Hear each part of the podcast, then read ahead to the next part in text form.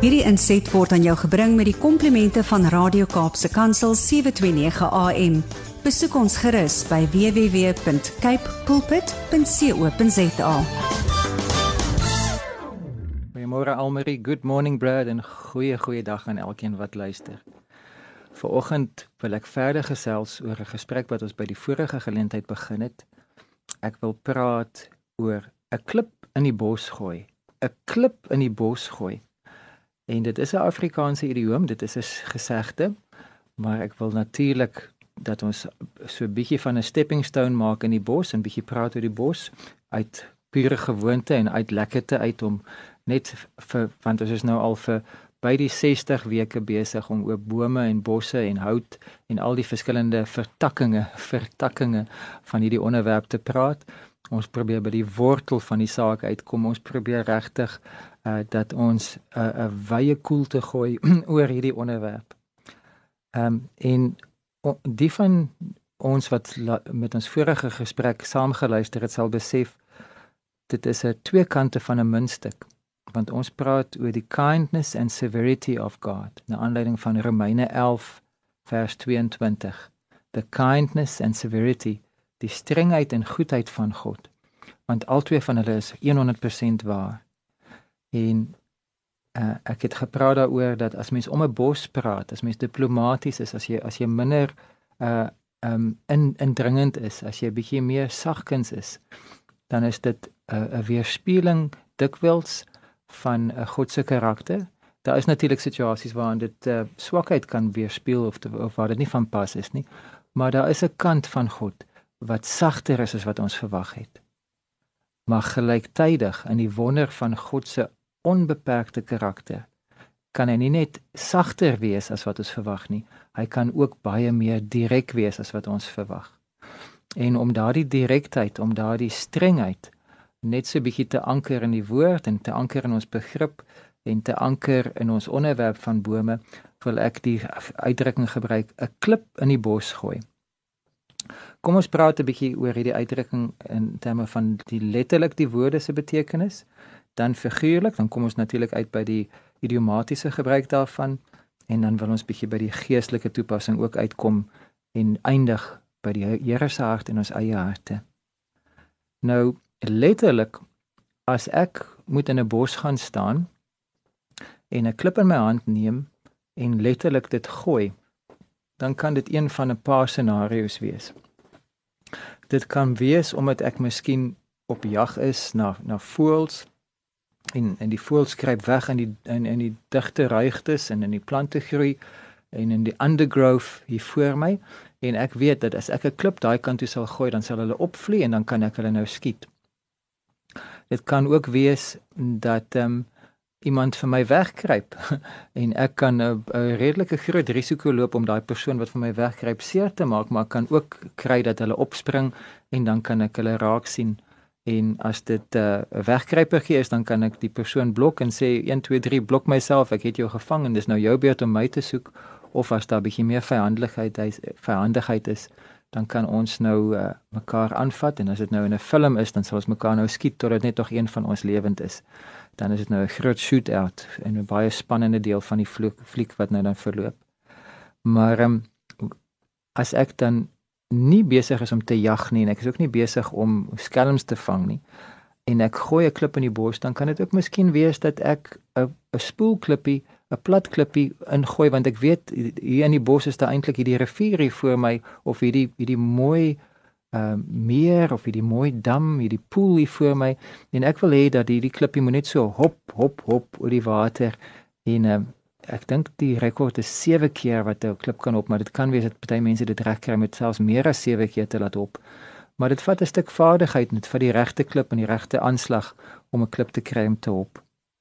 Dit kan ook natuurlik wees en dat uh, een of ander wilde dier my bestorm en ek hierdie klip gebruik om daai uh, dier te probeer afweer om myself te verdedig. Duidelik het ek dan nou nie 'n jaggeweer of iets meer indrukwekkend in my hande nie en dan is as as 'n klip dan nou my enigste verdediging is en hierdie aanstormende ding kom hier aan, dan kan die klip 'n manier wees hoe ek dan nou hierdie hierdie gevaar weg probeer kry van myself af.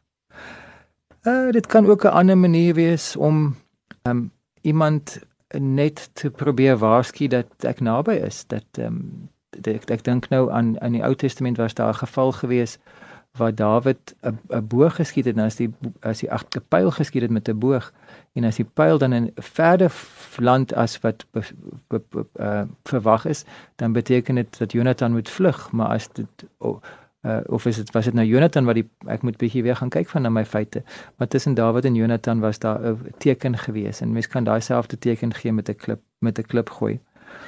Maar om nou bietjie te kom by die werklike betekenis van klip in die bos gooi.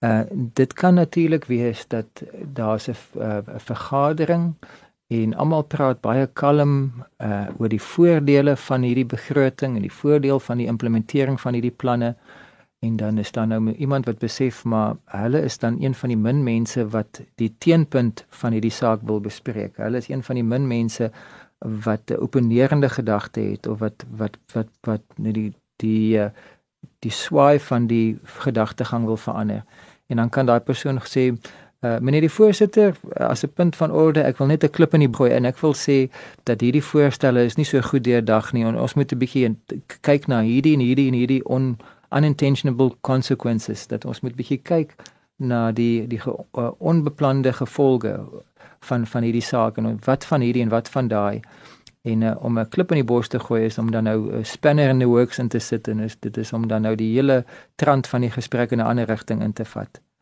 Ehm um, dit kan ook wees dat jy 'n uh, heeltemal 'n 'n buitengewone voorstel wil maak waar almal dan nou sê nee, ag ons gaan maar net 'n rustige naweek hê en ons gaan maar net so 'n bietjie chill, ons gaan net so 'n bietjie veg. Uh, ons gaan net so 'n bietjie binge watching doen van 'n series. Dan kan iemand sê, "Nee, ek wil 'n klip in 'n bos gooi. Wat daarvan as ons bietjie gaan stap in die in die Cederberge?" En jy maak heeltemal 'n onver, onverwagte voorstel en jy gooi heeltemal 'n alternatiewe mening op die tafel. Ehm um, in my eie lewe het ek al soms 'n 'n klip in die bos gegooi, maar ek moet sê dat ek, ek is nie eintlik bekend daarvoor dat ek die opponerende standpunt inneem nie soos wat ek in ons vorige gesprek gesê het, ek is meer uh, met 'n diplomatisiese en 'n versigtige benadering gemaklik.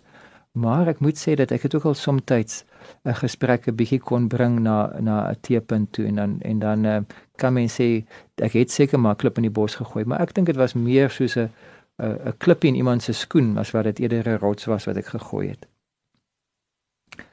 Ek wonder in jou eie lewe of jy kan dink aan 'n geleentheid waar iemand onverwags jou gedagtegang verander het met 'n voorstel of met 'n argument of met met 'n stelling wat jou heeltemal onvankant ge, onkant gevang het en wat wat die hele verloop van die verdere gesprek of selfs die verdere verloop van sake verander het. Wat is 'n voorbeeld van 'n klip wat in jou bos ingegooi is? As ons dink in Bybelse terme, dan weet ek dat Jesus was nooit bang om 'n saak direk aan te spreek nie.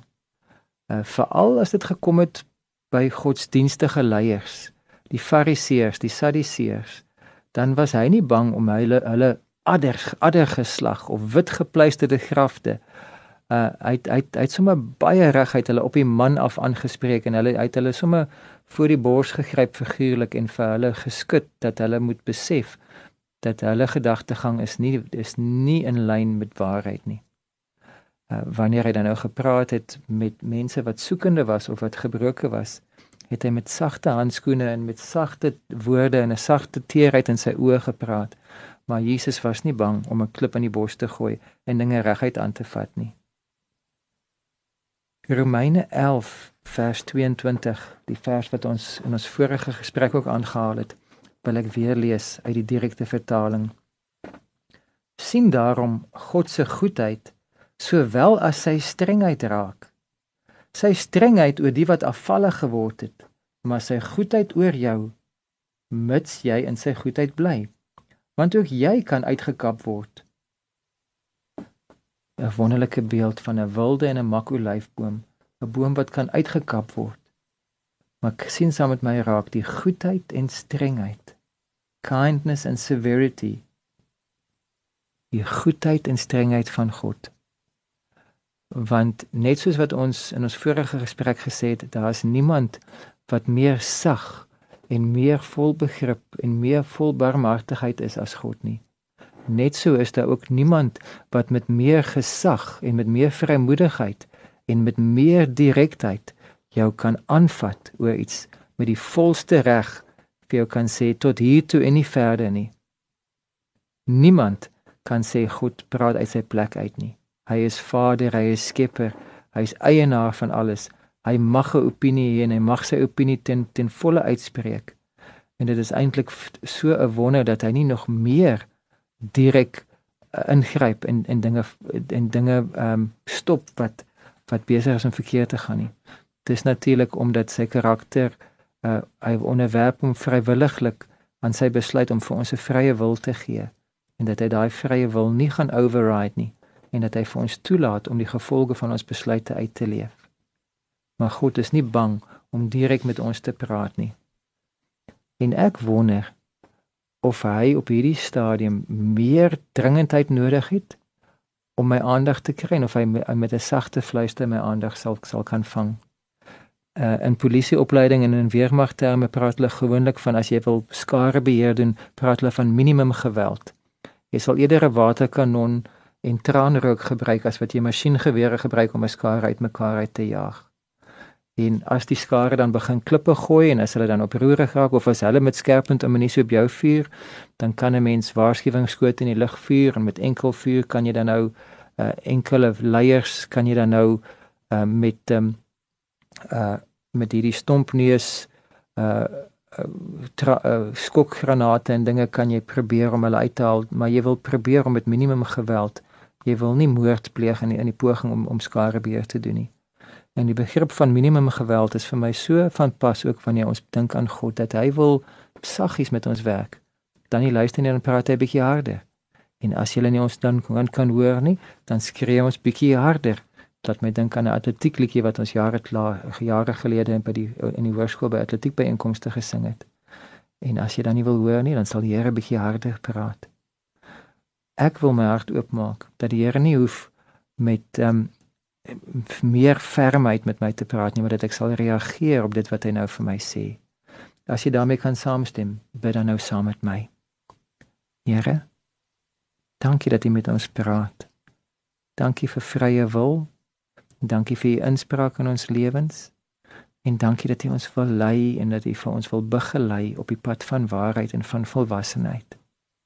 En ek vra nou, Here, dat jy vir my en vir elkeen wat saamstem met hierdie gebed sal help om te hoor as hy met ons praat dat dit nie vir u nodig sal wees om meer direk en meer dringend met ons te praat nie maar dat ons die leiding wat u vir ons gee sal gehoorsaam in Jesus naam amen. Hierdie inset was aan jou gebring met die komplimente van Radio Kaapse Kansel 729 AM besoek ons gerus by www.cape pulpit.co.za